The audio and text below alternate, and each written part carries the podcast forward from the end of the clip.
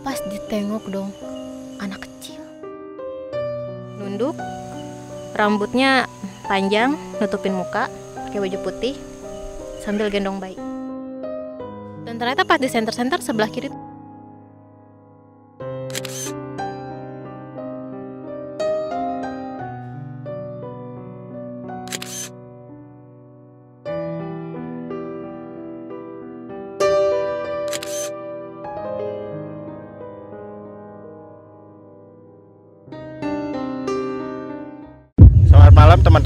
kembali lagi di Lentera Malam bareng gua Jamal.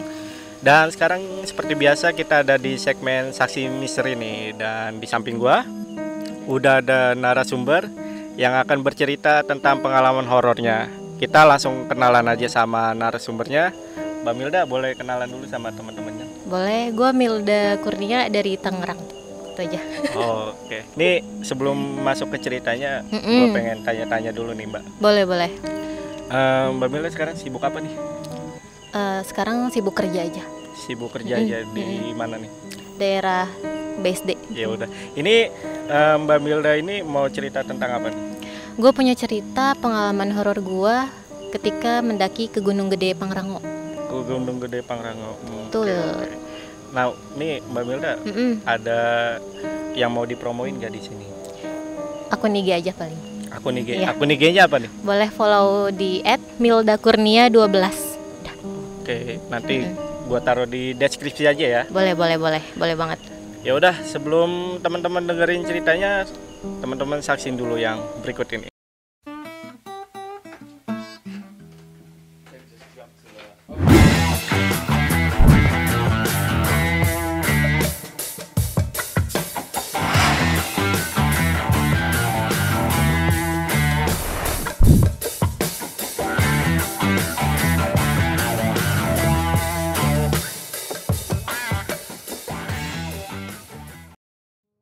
Jadi tahun 2019 kemarin gue dan teman-teman di rumah memang ada rencana untuk mendaki. Tapi kan karena banyak yang pengen ikut, termasuk ada pemula juga di situ.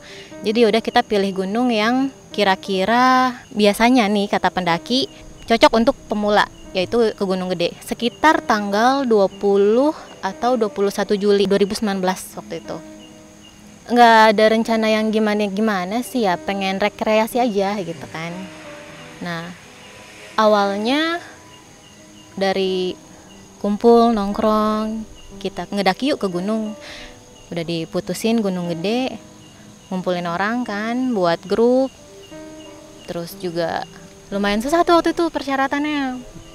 Karena kan kalau di Gunung Gede Pangrango dia harus daftar simaksinya tuh lewat web ya Nah itu tuh yang lumayan PR karena kan ngumpulin KTP, terus email, alamat, belum lagi harus enam orang atau bagaimana ya waktu itu. Pokoknya lumayan ribet lah, susah-susah gampang gitu.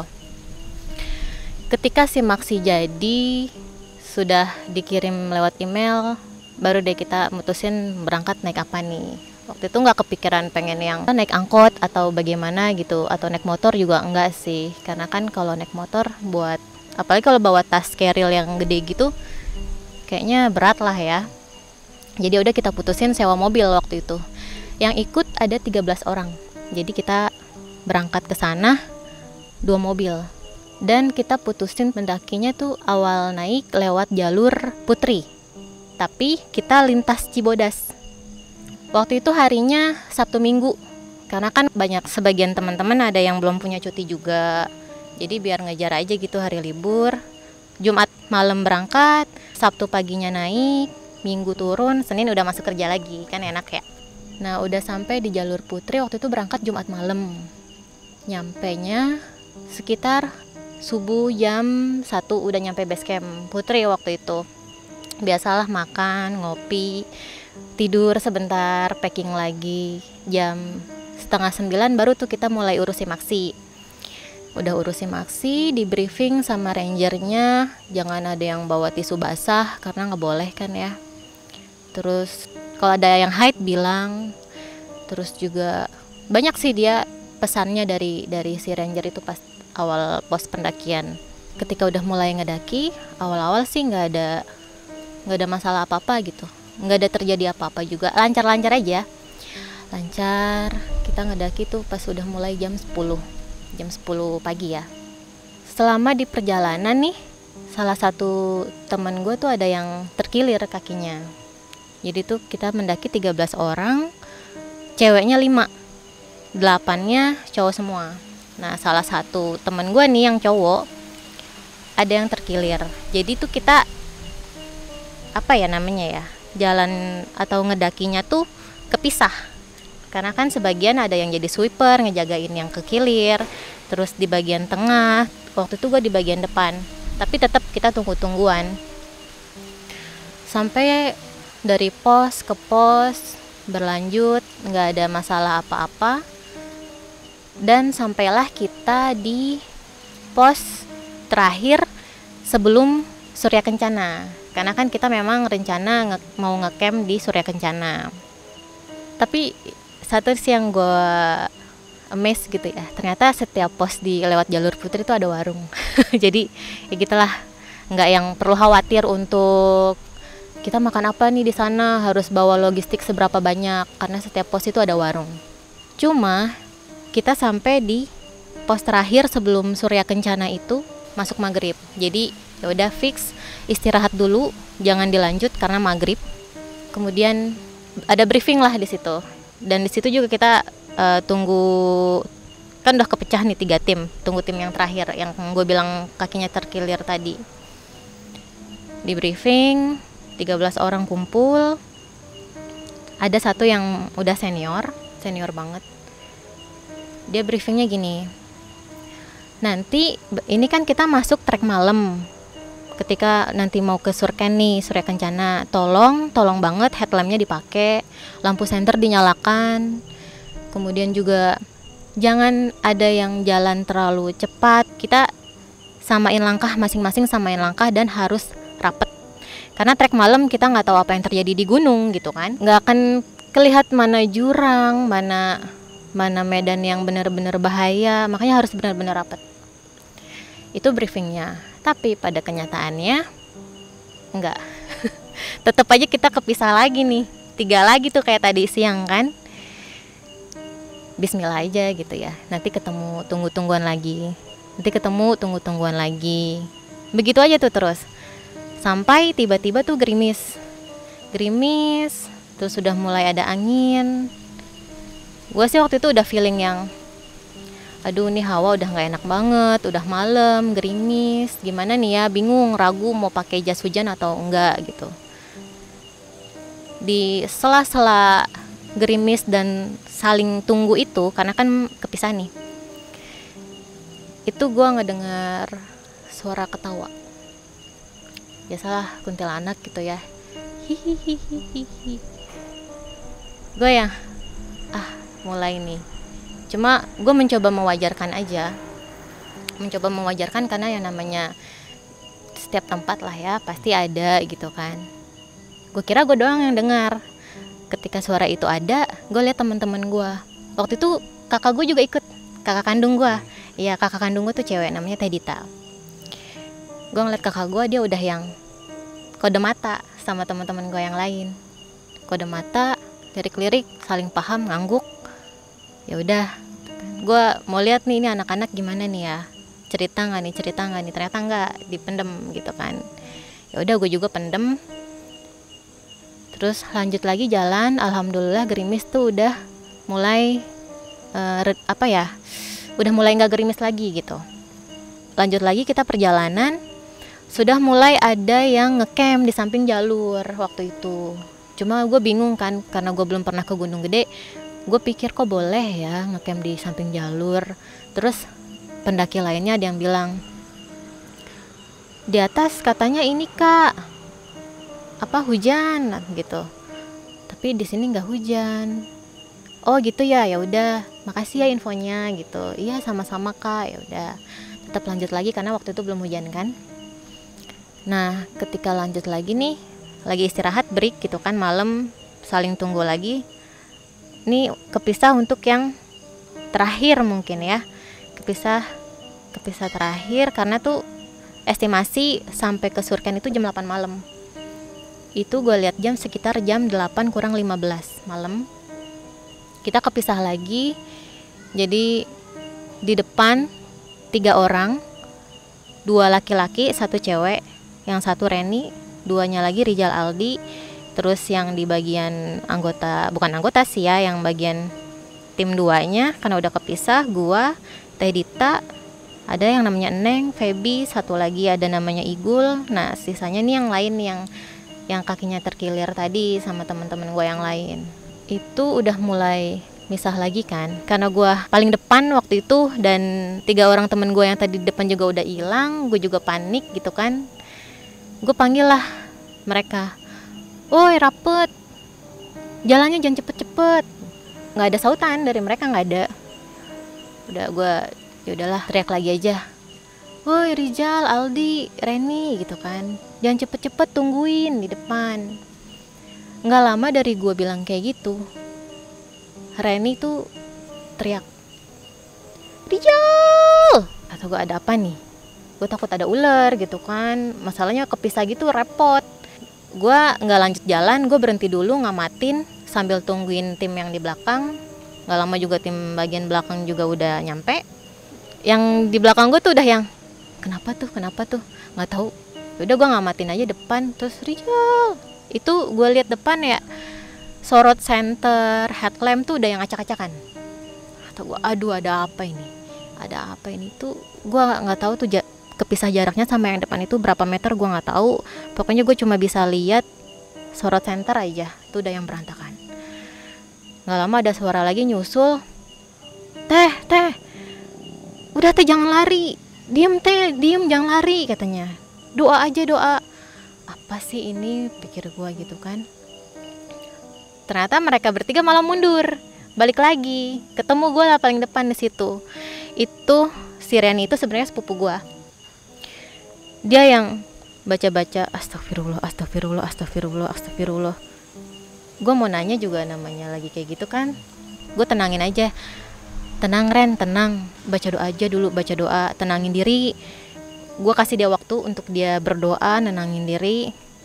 Terus si Rijal Aldi nih masih yang center-center depan dia.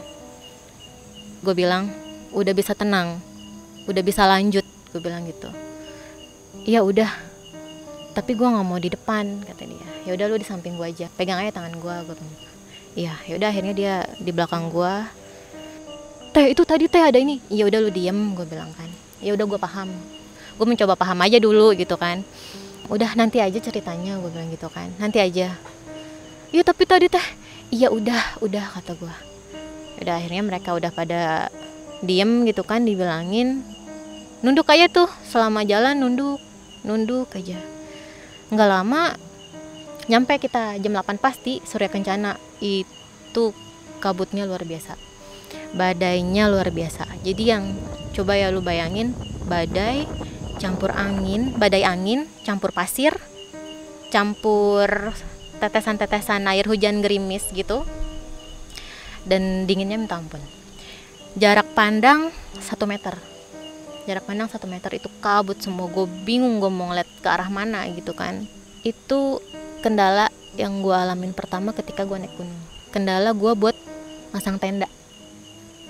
Pasang di mana nih? Kalau kayak gini nyari spot di mana? Karena bingung kan ngelihat lahan untuk buat tenda aja tuh kayaknya susah gitu. Terus ya udah akhirnya teman-teman gue yang udah senior inisiatif yaudah kita bangun di sini aja katanya gitu kan. Lebih dekat ke warung juga. Ada warung juga ternyata di Surken kan oh ya udah gitu. Pasang tenda itu susahnya minta ampun. Karena kan anginnya tuh kencang banget sampai bisa ngegoyangin frame. Oke okay lah yang cowok-cowok pasang tenda yang cewek-cewek masak gitu kan. Gue masak nih gue nyalain api set mati lagi. Nyalain api set mati lagi. Udah gue udah nyerah. Gue nggak bisa ya itu padahal Indomie tuh udah yang setengah mateng tau gak lu? Udah setengah mateng cuma ya mau gimana badainya tuh parah parah banget akhirnya gue tinggal kakak gue juga bilang gue nyerah ya buat masak indomie. Tuh mie setengah mateng terserah mau dimakan makan katanya gitu. Karena emang susah mau masak juga susah gitu. Ya udah akhirnya alhamdulillah bisa masang tenda dua berjejer biarpun masih ada badai. Dan karena teman-teman gue pada lapar kan nggak bisa masak gitu. Alhamdulillah deket warung akhirnya mereka pada jajan nih. Ketika jajan nawar-nawarin ya mau nggak teh mau mau mau. Itu mereka beli gorengan dan pop mie gorengan rasa pasir. Pop mie rasa pasir.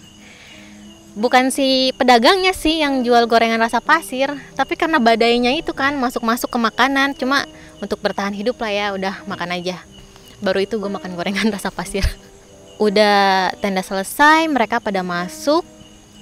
Yang cewek satu tenda tuh berlima dan di situ kayaknya uh, apa ya rasa capek mengalahkan rasa lapar. Jadi pada masuk tenda untuk tidur bener-bener nggak ada yang keluar. Paling keluar gue pipis aja sih sama si Reni ini yang sepupu gue sama satu lagi ada namanya Feby kan yang tadi gue bilang. Kita pipis di batu gede gitu. Sepi kan? Bukan sepi sih karena emang jarak pandang tuh cuma semeter doang. Jadi nggak tahu nih bakal ada orang atau gimana. Ah nggak kelihatan ini gitu kan. Apalagi Arjen gitu kebelet pipis udah pipis di situ sampai tenda udah mau tidur um, udah rapi udah anget udah pakai sleeping bag.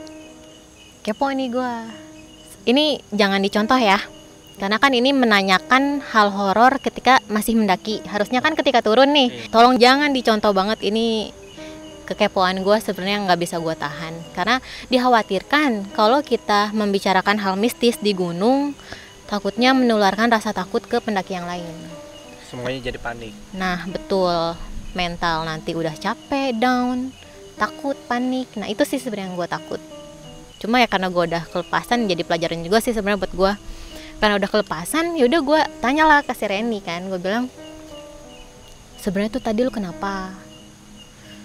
Dan dia juga cerita nggak yang nanti aja mil gue ceritain gitu. Dia cerita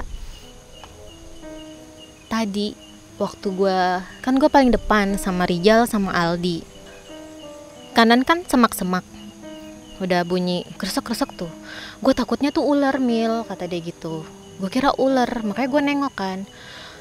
Pas ditengok dong anak kecil anak kecil.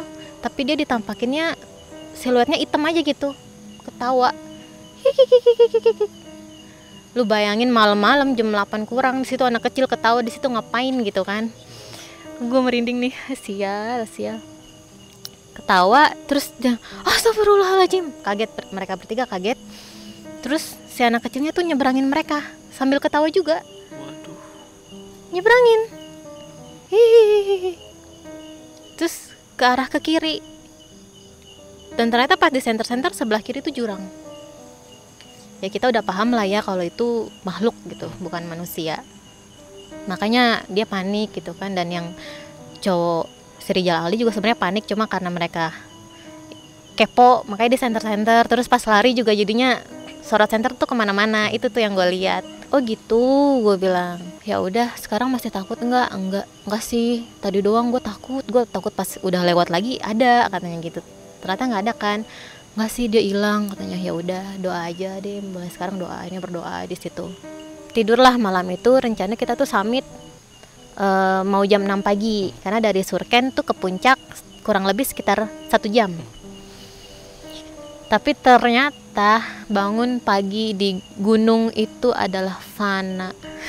Mitos sih biasanya. Mitos. Mitos banget. Kita semua tuh bangun jam 11 11 siang itu jam 11 siang.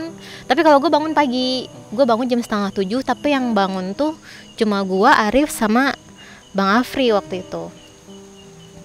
Bangun untuk cari air di mata air. Tapi pas pagi itu kan kabut udah lumayan menipis ya. Akhirnya nyari mata air nanya-nanya ke pendaki lain. Ketemu nih mata air jalan kurang lebih 30 menit ada. Nemu mata air uh, ternyata tuh arah mata air tuh ini arah mau ke puncak. Hmm. itu gue baru tahu di situ. Oh berarti nanti kita kalau mau ke puncak summit lewat sini juga dong. Iya katanya. Oh ya udah. Bawa air selesai. Udah kan nih mau mau masak atau apa. Ternyata ketika udah balik lagi ke tenda masakan tuh udah rapi. Udah rapi udah udah tinggal siap santap lah. Gue bingung. Nih yang masak cepet amat gitu kan. Perasaan dia kayaknya yang tadi bangun cuma gua doang bertiga gitu kan. Ternyata kakak gua dia bangun sekitar jam 9 atau jam berapa gitu ya inisiatif ke warung. Kan di warung ada gas tuh. Biasalah nego kasih duit segini nih pinjem gasnya gitu kan buat masak dibolehin sama si abangnya masaklah dia di situ. Makanya kenapa itu makanan cepet jadi. Itu bisa jadi second opinion sih kalau untuk darurat aja gitu. Ya udah akhirnya kita makan jam 11 terus summit jam 12 siang waktu itu. Nyampe-nyampe puncak jam 1 itu juga udah mulai kepisah lagi tuh di puncak. Jadi pas di puncak yang jalan paling duluan tuh si Bang Afri, Reni, ada temen gue Neng sama Feby nah pas gue udah nyampe di puncak mereka nggak ada katanya udah turun. Loh kenapa? Kok bisa? Gue bilang ternyata yang namanya Neng ini dapet lagi haid. Aduh gue bilang ya udahlah semoga kekejar lah ya gitu kan sampai bawah sebelum maghrib mudah-mudahan. Nah akhirnya oh ya satu hal yang gue lupa bilang si bang Afri ini dia kayak edisional gitu lah jadi ketemu langsung di Gunung Gede. Kalau dari gue 13 orang nambah satu bang Afri jadi 14 dia nih termasuk pendaki senior juga dari dia gue banyak belajar. Dia tuh bawa bawa sendok di kantongnya selalu bawa sendok satu. Dan itu kepake sama gue waktu gue ke Sumbing. Waktu gue ke Sumbing anak-anak pada nggak bawa sendok gue doang yang bawa satu. Gue praktekin. Dan itu kepake banget buat ngaduk-ngaduk kopi dan lain-lain. Itulah intermezzo ya. Akhirnya mereka nih turun nih. Bang Afri, Reni, Neng, Feby karena kan Neng lagi haid ya. Waktu itu awal-awal dia tahu dia haid udah panik. Tuh gimana nih ya teh? Gimana nih ya udah tapi pembalut pembalut bawa kan bawa sih jaga-jaga karena bulan ini belum. Oh ya udah.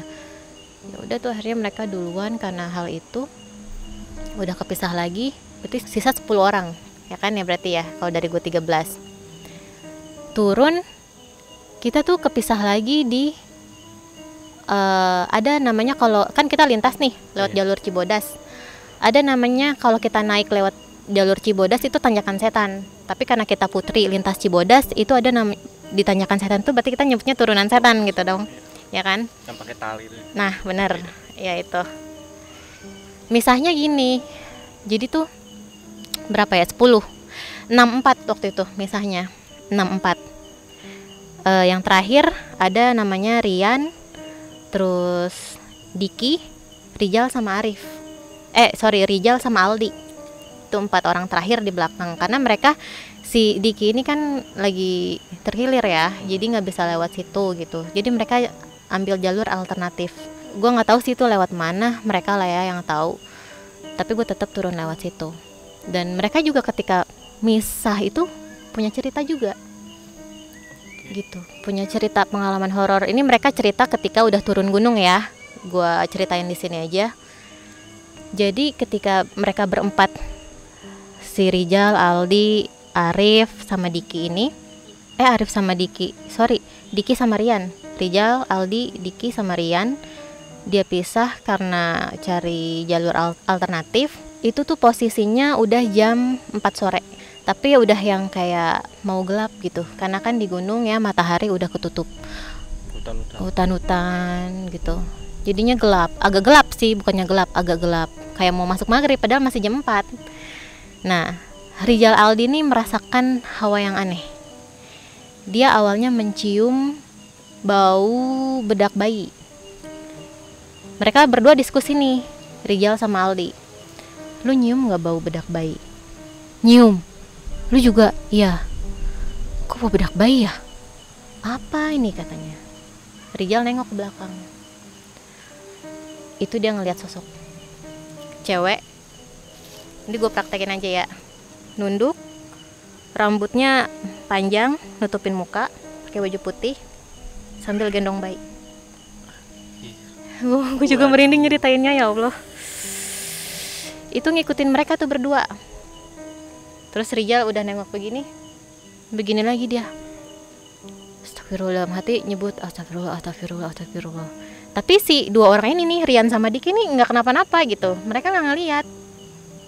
Sampai akhirnya pendaki lain mungkin nyusul kali ya, lewat gitu. Baunya hilang. Hilang teh ketutup baunya sama pendaki lain tuh katanya. Oh ya udah terus gimana? Si ceweknya itu gimana? Terbang teh. Nyangkut di pohon. Iya. ya Allah gue bilang lu ada-ada aja. Lu sompral ya? Sompral ya? Gue bilang gitu kan enggak gue bercanda-bercanda aja. Cuma ya kita nggak tahu lah bercandanya gimana kan. Sampai dia bisa ngeliat kayak gitu gitu. Terus pas udah di pohon gimana? Ya udah di pohon aja gitu. Gue ngeliatnya dia terbang terus ke pohon. Udah gitu nggak yang ngikutin lagi. Tapi dia bawa bayi katanya gitu. Hmm oke okay, gue bilang. Nah itu cerita mereka ya. Ketika mereka pisah lewat jalur alternatif pas mau turun lewat turunan setan Nah, uh, setelah melewati turunan setan, lancar-lancar aja tuh mal. Sampai kita masuk ke pos kandang badak. Itu udah maghrib, mau masuk maghrib lagi ketemunya. Berhenti dulu di situ. Untungnya di pos kandang badak tuh udah ada toilet sama musola. Tuh, ah bersyukur banget gue udah ada toilet, musola dan rame pendaki juga kan. Pas lagi mau ngambil air dari tempat wudhu itu, sapa-sapaan kan sama pendaki lewat mana mbak? Naik atau turun? Oh gue turun bang gue bilang. Oh lintas apa gimana? Iya lintas. Gue dari jalur putri lintas cibodas gue bilang. Oh gitu. Berarti nanti turun jangan berhenti di pos kandang batu ya katanya gitu. Loh kenapa? Gue bilang kan. Pokoknya jangan aja. Jangan. Jangan berhenti di pos kandang batu. Dia nggak mau nyebutin kan ya gue pikir entah mitos atau apa nggak paham lah ya gue gue nurut aja. Oh gitu ya bang. Oke deh gitu. Iya pokoknya jangan ya inget ya gitu. Iya. Makasih bang infonya gitu. Yaudah nah mulai start dari pos kandang badak itu kita jam 7 malam. Itu udah harus sedia center lagi ya. Dan harus rapet juga. Dan temen gue yang di belakang tuh yang tadi pisah berempat juga udah datang kalau yang tadi itu yang bagian depan si yang gue bilang ada temen gue yang lagi hide dia udah turun juga tuh dia. Jadi pas gue masuk kandang badak mereka udah turun gitu. Jadi ngejar waktu banget. Mulailah turun dari pos kandang badak jam 7 malam. Jam 7 malam. Itu bener-bener luar biasa sih jalur Cibodas karena dia treknya tuh batu. Yeah. itu yang bikin capek udah dasarnya mental karena capek jadi mental down. Dan gimana ya rasanya tuh timbul kayak egoisan gitu. Pengen yang cepet-cepet turun gitu kan pengen yang cepet-cepet turun. Cuma ya udah pelan-pelan aja. Sampailah di pos Kanang Batu. Teman-teman gue pada berhenti coy. Terus gue bingung kata gue eh kok pada berhenti? Ternyata mereka ngelihat ada dua pendaki di situ cowok sama cewek lagi habis makan lagi beres-beres tempat makannya gitu ke tas minta bareng. Oh. jadi kita nungguin mereka rapiin tempat makanannya gitu kan. Terus gue nyeletuk gini ke kakak gue teh pas kandang batu nih. Kan katanya tadi jangan ya jangan berhenti. Shh, udah lu diem aja gitu. Beda diem tuh gue nggak ngomong apa apa lagi. Dan gue juga nggak mau lihat ke mana-mana gitu kan. Udah nggak untungnya si cewek dan cowok ini nggak lama mulai lagi jalan. Jalan di perjalanan juga ada lagi empat pendaki yang minta ikut minta ikut turun bareng gitu karena mungkin udah malam juga nggak berani ya. Akhirnya turun lah gitu. Kalau misalnya kalian lewat jalur Cibodas tuh ada yang apa jembatan Cipanas air panas tuh ya kan? Itu luar biasa itu ah gue lewatin situ. Itu mungkin yang bikin gue kapok sih tapi seru juga gitu. Turun lewat situ air terjunnya panas treknya tuh batu kali emang kita harus nginjak tuh air gitu kan. Duh jangan sampai nih sepatu nyelup gitu. Ternyata nyelup sepatu gue satu. Itu panasnya luar biasa. Dan kacamata juga waktu itu gue lepas karena berembun kan. Oh di sini juga gue ada cerita nih tapi ini kakak gue yang lihat sama Rijal. Hmm tapi dia ceritanya pas di turun gunung. Jadi kan pas mau masuk jalur Cipanas mereka posisi berdua ini di depan Rijal sama kakak gua nih si Tedita. Jadi mereka tuh ngelihat sebelum jembatan Cipanas tuh ada orang kayak bawa lentera gitu. Entah itu lentera atau senter gitu. Pokoknya menyala lah kayak kelihatan gitu siluetnya bawa begini. Dikirain ranger kan. Ternyata pas dideketin nggak ada. Nggak ada orangnya tuh hilang gitu. terus ya udah mereka diskusi aja tuh berdua. Lu tadi lihat nggak jal? Ada orang bawa lentera. Lihat ya gue tapi nggak ada kan ya pas kita samperin? Iya iya nggak ada katanya. Ya udah diem diem aja katanya gitu ya udah. Tapi mereka ceritain pas sudah turun. Itu sekitar di jalur Cipanas. Lewat Cipanas uh, itu lumayan horor sih karena kan kalau kita turun dari kanan itu aliran airnya kiri itu udah jurang banget iya. kan. Searching deh kalau yang penasaran gila itu parah itu jalur jalur terparah sih itu. Harus baca baca doa lah kalau lewat situ. Nah udah lewat Cipanas sepanjang perjalanan sih batu semua gitu kan udah mulai yang capek beban keril nambah berat hmm. karena kan baju pada lembab basah. Beban sih sebenarnya apalagi kita tuh harus bener rapet-rapet gitu. Nggak selama pas turun tuh nggak ada yang namanya kepisah lagi tuh kayak awal naik awal naik kan kepisah kepisah kepisah. Selama turun nih rapet semua. Berapa orang tambah dua pendaki yeah. tambah empat lagi. Gila kan nungguin nunggu nungguin gitu. Bener-bener yang rapet banget. Bentar-bentar break dua menit jalan lagi. Bentar-bentar break dua menit jalan lagi. Itu bener-bener gue ngerasanya dihajar banget sih mental gue sifat gue di situ bener-bener yang kayaknya gue egois gitu ya. Gue pengen cepet-cepet turun. Itu sampai jam 12 pun belum turun loh jam 12 jam 12 malam belum belum belum turun sampai bawah. Karena estimasi tuh harusnya 8 jam kan. Iya. dari puncak ke uh, Cibodas gitu ya 8 jam. Ini enggak. Lu bayangin dari jam 1 siang gue turun jam 12 malam tuh masih di jalur Cibodas saja gitu. Itu pelajaran gue juga sih untuk gimana yang namanya sabar gimana yang namanya ngertiin temen. Itu banyak pelajaran banget di situ. Akhirnya ya gitu aja selama perjalanan break lanjut lagi break lanjut lagi. Sampai tuh udah pada kecapean semua entah halu atau mereka beneran lihat gue nggak paham tapi pas turun mereka cerita. Kalau kakak gue nih pas sudah dari Cipanas tuh dia ngelihat sebelah kanan tuh kayak ada tenda-tenda berjejer rapi gitu. Padahal itu semak. Iya. cuma ya udah dia diem aja baca-baca aja gitu kan. Sampai akhirnya karena gue pengen buru-buru turun gitu kan. Senin gue udah gawe gue ngambil cuti waktu itu. Jam satu mau masuk ke pos terakhir di jalur Cibodas. Berhenti di situ. Gue udah mulai nggak tenang aja gitu. Bawaan udah lu jangan pada break lah gitu. Gue pengen cepet-cepet turun. Jam berapa ini? Belum turun-turun gitu kan terus ya udah ya itu egoisnya gue tapi emang nggak boleh gitu sih pelajaran juga gue udah banyak yang keserang pendaki lain juga udah minta minta promah dong ada nggak? Pada mual-mual ya udah kasihin semua obatnya. Untungnya obat di tim gue tuh awet gitu kan. Ya udah jadi gue kasihin aja tuh semua satu strip tuh promah. Nih bu udah minum aja gitu sama anaknya karena kan udah mau bentar lagi sampai gitu ya kasihan gitu udah. Terus gue juga udah mulai nggak tenang. Di pos terakhir terus ke bawahnya lagi tuh udah kaki gunung gitu lah udah sampai itu gue udah nggak tenang. Kata gue tuh nggak tenang banget. Ya gue bilang hayu ke hayu breaknya satu menit aja lah gue bilang gitu. Tarmil dua menit.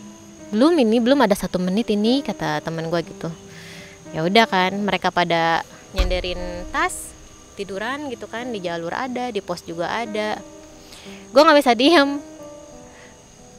Uh, nyebrang gue jadi di sini di sini mereka pada berjejer tiduran gue nyebrang ke sini ke pinggir pinggir jurang. Itu tiba-tiba tas gue kayak yang pukul. Gitu. gue mikir positif thinking dulu ya. Dikirain tuh buah jatuh gitu kan. Gue cariin buah di kaki-kaki gue di bawah nggak ada. Air gue bilang gitu. Mungkin air nih netes nih dari pohon. Gue tanya ke temen gue tas gue basah nggak sih? Biasanya kan kalau itu ada ada bercaknya gitu ya enggak kering kering katanya gitu. Ranting gue bilang ranting nih nyangkut nih kena angin tak gitu kan. Gue lihat ke atas pohon tinggi banget. Nggak mungkin itu udah udah di luar logika gue gimana ceritanya itu ranting kena atas gue itu gue langsung diam di situ langsung yang minta buru-buru gue kenapa lu? Udah belum istirahatnya gue bilang gitu. Tapi di bawah gue ceritain. Dan ketika udah udah turun gunung juga gue introspeksi. Mungkin gue egois kali ya pengen buru-buru turun. Karena gue ngejar gawe gitu. Tapi teman-teman gue lagi pada istirahat. Pelajaran juga balik lagi pelajaran lagi buat gue. Banyak banget pelajarannya. Terus udah gitu yuk udah yuk udah dua menit. Ya udah jalan lagi. Itu gue paling depan kan. Temen gue nih Aldi di samping gue. Kita tuh jalan deret deretan gini samping-sampingan. Karena kan udah headlamp baterainya habis. Terbatas lah waktu itu ya. Nyalain flash tuh baterainya udah habis handphone gue udah habis baterainya. Jadi gue nebeng lah istilahnya nebeng center di dia. Dia tuh udah ngoceh aja. Teh tuh udah deket kayaknya tuh di bawah. Udah banyak lampu-lampu dia bilang. Gue nggak ngeliat. Gue ya ya aja.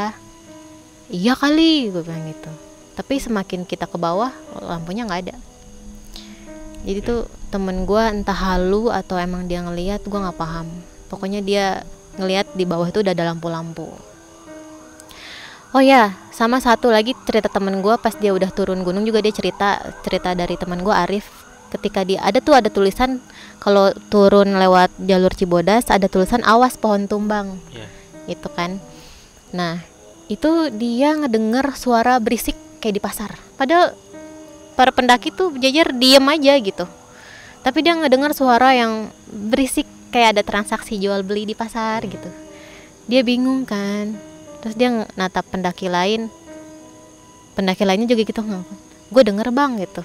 Denger lu ya? Iya rame ya? Iya rame katanya. Udah gitu aja gitu sebatas omongannya. Terus ya udah lanjut lagi tuh turun. Nah setelah dari yang kejadian tas gue kayak dipukul gitu eh, sebenarnya sebelum tas gue kepukul temen gue nih yang namanya Rijal iseng nyenter nyenterin ke sebelah kiri. Sebelah kiri tuh jurang kan. Iseng nyenter nyenterin nggak lama dia gini rip rip rip tuh lihat rip. Diomelin kan Rijal jangan mainin center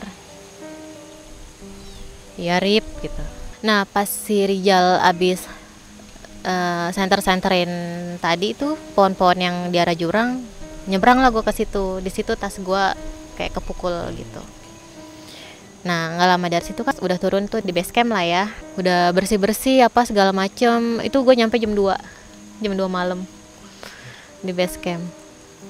Nyampe jam 2 malam udah bersih bersih makan kan ada warteg yang 24 jam di situ. Pada cerita tuh semua pendaki teman-teman gua termasuk pendaki yang lain pada ngelihat apa pada ngalamin apa. Gue nanya ke Srijal lu tuh tadi se- sebenarnya nyenter apa sih gue di situ ngerasa tas gue kayak kepukul gue bilang teh itu tuh pohon gerak-gerak sendiri kata dia. Makanya gue senter-senterin. Ya lu iseng juga gue bilang. Cuma ya balik lagi pelajaran lagi lah buat gue itu kan. Nah terus ada lagi pendaki cerita pendaki lain yang ikut bareng gue juga. Jadi sebenarnya pendaki lain yang ikut gue ketika di kandang batu ada yang lihat pocong katanya di kandang batu. Ada yang lihat pocong terus langsung mual gitu dia.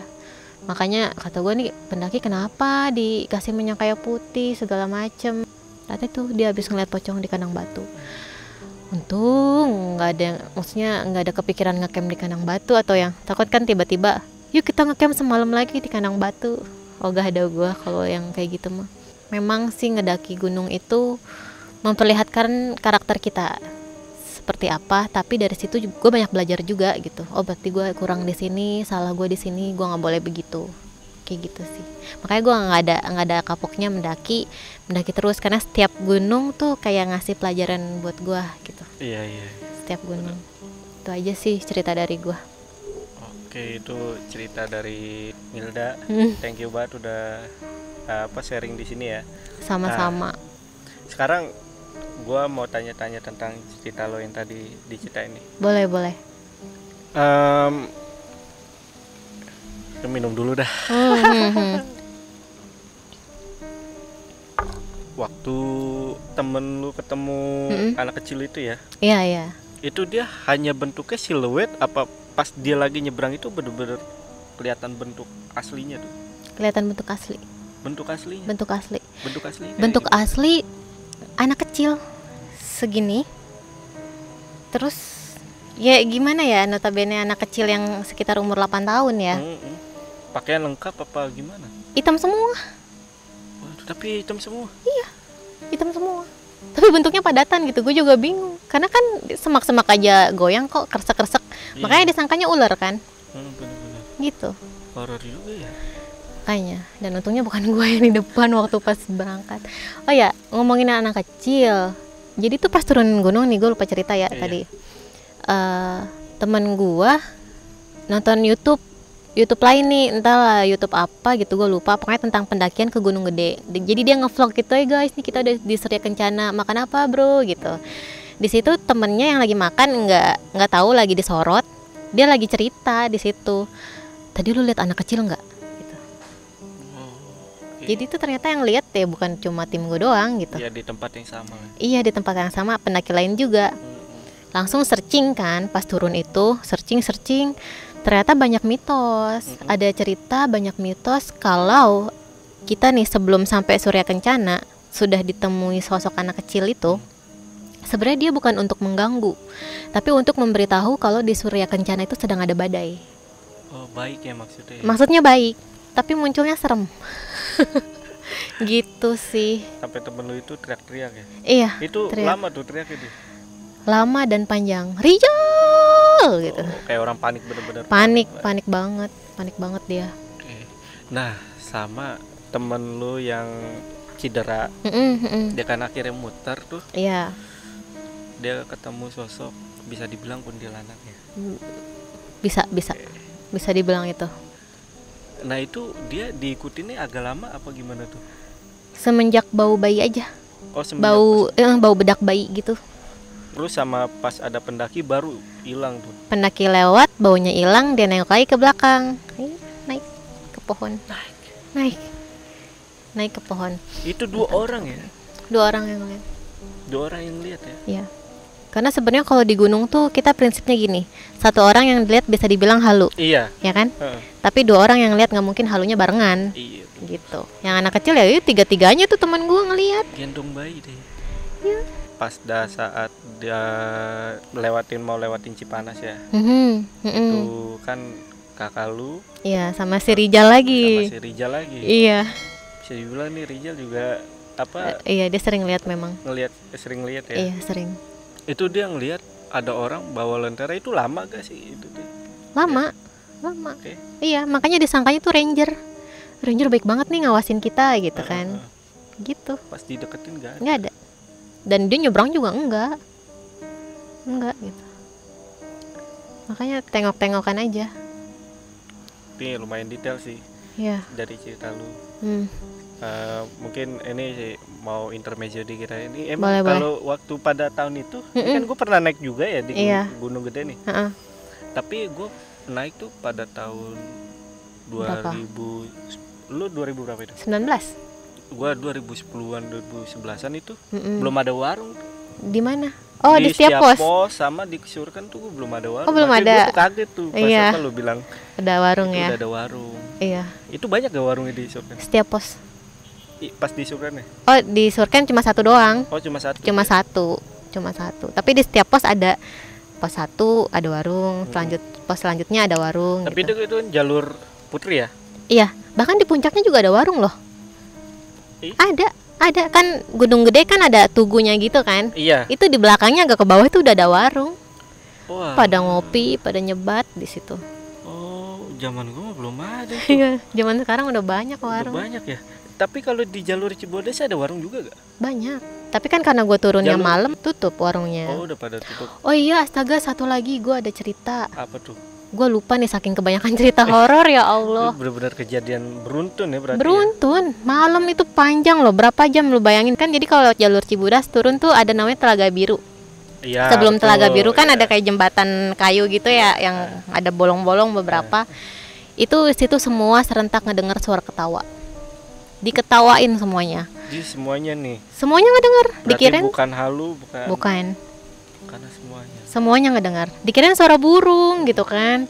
Tapi kok burung ke- bunyinya hihihihi hihihihi tujuh kali gue hitungin tujuh kali itu nggak ada yang nggak ngedengar ngedengar semua gitu Gokil. itu diketawain Tapi memang Telaga Allah. Biru itu memang horor. Karena Iya. gue waktu muncak ke Gunung Gede itu jadi teman gue itu sempet jalan Hmm. duluan, Mm-mm. dia nggak sadar katanya, Mm-mm. tahu-tahu mandi di Telaga Biru itu. Jadi kan Telaga Biru tuh pada saat itu dia kan Iya. airnya di sini ya. Iya. Dia tuh airnya udah sampai meluap gitulah Oh ya. Nah, ke ke jalur kan. Mm-mm. Itu sampai Mandi dia. itu malam-malam maghrib maghrib dan tahu-tahu pas ditanya tuh gue nggak sadar kalau mandi di situ Kerasukan nggak? nggak tahu sih soalnya kan jadi pas mandi tuh Heeh, em, ngehnya itu lah aku ngapain sih gue mandi di situ? Iya. Di telaga biru itu emang horor sih. Karena kan mitosnya dia tuh tempat mandi bidadari. Katanya yang gue tahu ya Hmm. telaga biru itu. Gue baru tahu deh. Makanya gue tanya lu kerasukan nggak temen lu? Gitu. jangan-jangan temen gue nih mandi sama bidadari lagi. Di tahu gue juga. pikirannya. bisa jadi. Allahu alam. Gokil, itu gokil, mitos gokil. yang gue dengar itu ya Mm-mm. em, kejadian-kejadian yang lu pada saat mendaki gunung gede ya. Iya. Eh, ini Mil lu ada yang mau disampaikan nggak eh, soal tadi yang lu bilang pelajaran Mm-mm. apa sih yang lu petik banget Mm-mm, mm-mm, dari lu mendaki gunung mm-mm, pada saat kejadian di pendakian lu di gunung gede itu? Mm-mm, mm-mm. banyak banget. Yang pertama kalau memang kita ini kan karena ini pendakian gue kedua ya Hmm. jadi gue banyak banget ngalamin pelajaran lah ya kalau mendaki gunung kita mengalami kejadian horor. Keep aja dulu gitu. Karena rasa takut itu menular dikhawatirkan yang lainnya juga ikut takut dan mentalnya down. Apalagi gue pas turun tuh udah emang dasarnya capek pengen buru-buru pulang. Itu bener-bener ujian gitu. Ujian banget. Itu satu jangan pernah cerita ketika lu nemuin hal di gunung tuh hal horor di gunung ya. Lu langsung cerita di tempat gitu duh jangan aja. Karena sebenarnya mereka juga seneng gitu kan diomongin. Kedua dari kesalahan gua benar-benar harus yang bisa belajar sabar gitu kan. Karena satu temen ada yang terkilir kedua oke lah gue masih kuat tapi kan teman-teman gue belum tentu gitu. Itu pelajaran yang gue dapet banget. Kita harus benar-benar bisa bersabar. Artinya solid lah gitu ya. Itu kedua. Ketiga ya bagi gue sih ini pelajaran ya di posisi atau di keadaan bagaimanapun kalau ada makanan itu yang tersedia ya makan. Kayak tadi yang gue bilang gorengan rasa pasir. Iya. Itu makan aja gitu. Daripada lu kenapa-napa gitu kan kedinginan apa segala macam makan aja nggak apa-apa. Itu di mulut lu ada nyelip-nyelip pasir. Enggak ya kan udah telan gue telan semua. Telan semua ya? telan semua mau minum gue keluk udah lah gitu. Tapi pulang dari situ gue nggak sakit lah. Iya vitamin lah. Iya. Bener vitamin jadi intinya ini ya sama setiap, jangan sompral lah ya itu. setiap gunung itu bisa jadi tempat introspeksi kita lah ya. Betul betul banget. Jadi buat teman-teman jangan takut lah Mm, mm, mm, naik gunung biarpun ada banyak nih cerita-cerita horor tapi sebenarnya itu bisa jadi pelajaran lah buat teman-teman ya. Betul betul banget. Oke oke thank you Mil. Ya sekali lagi buat Sama-sama. ceritanya buat hari ini. Mm. mungkin cukup untuk cerita hari ini dari Milda Eh, gua dan Milda pamit. Selamat malam dan sampai jumpa. Bye.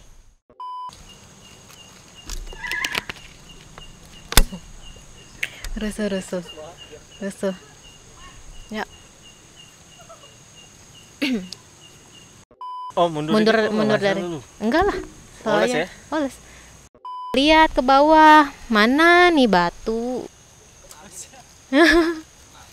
Iya anginnya kencang banget tadi lupa gua kasihkan cerita. Iya dia lagi asik